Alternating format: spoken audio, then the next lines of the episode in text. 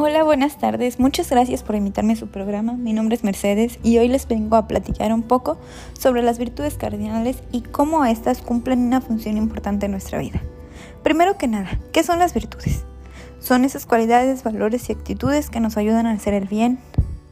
Ahora bien, las virtudes cardinales, también llamadas virtudes morales, son esenciales para las relaciones humanas y el orden social.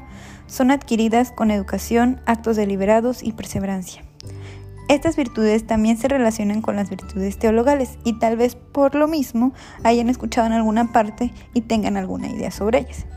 Estas virtudes ayudan a la construcción de una sociedad mejor, armoniosa, justa y a una sana convivencia.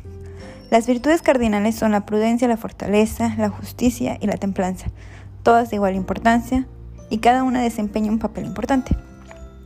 La prudencia es la capacidad de reflexionar antes de hablar o de actuar y saber el momento adecuado para hacerlo.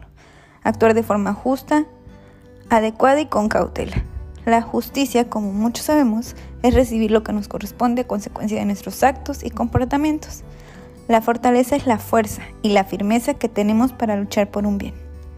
Y por último, pero no menos importante, la templanza, que es el dominio, saber moderar nuestros apetitos desordenados, nuestras pasiones, nuestros pensamientos para así tener equilibrio en el uso de los bienes. Ahora bien, ¿cuál es la importancia de adquirir o de contar con estas virtudes cardinales? Personalmente, si nos ponemos a pensar, estas cuatro virtudes son la base de una sana convivencia, como anteriormente lo comenté.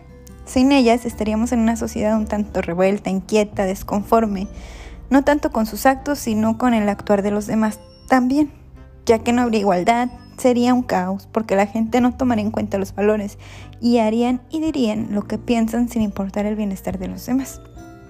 Si todos pusiéramos de nuestra parte y actuáramos conforme a estas cuatro virtudes, seríamos más felices y también haríamos más felices a los que nos rodean.